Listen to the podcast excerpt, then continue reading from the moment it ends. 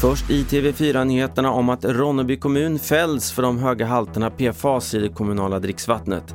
Det var boende i Kallinge som stämde det kommunala vattenbolaget på grund av ovanligt höga PFAS-halter. Ämnet är en kemikalie som stöter ifrån sig fett och smuts och det används i bland annat brandsläckare och på kläder. Ronneby kommun måste nu betala ersättning till de boende men summan är ännu inte fastställd.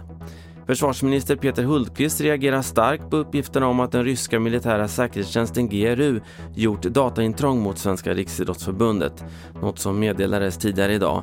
Syftet har varit att genom uppgifter ur journaler misskreditera svenska idrottare. När statsaktörer är inblandade, som i det här fallet, så ger det ju ett extra allvar åt det som händer. Så jag tycker inte det här är bra och jag tycker att det är oacceptabelt och i någon mening kommer ju det här att få konsekvenser.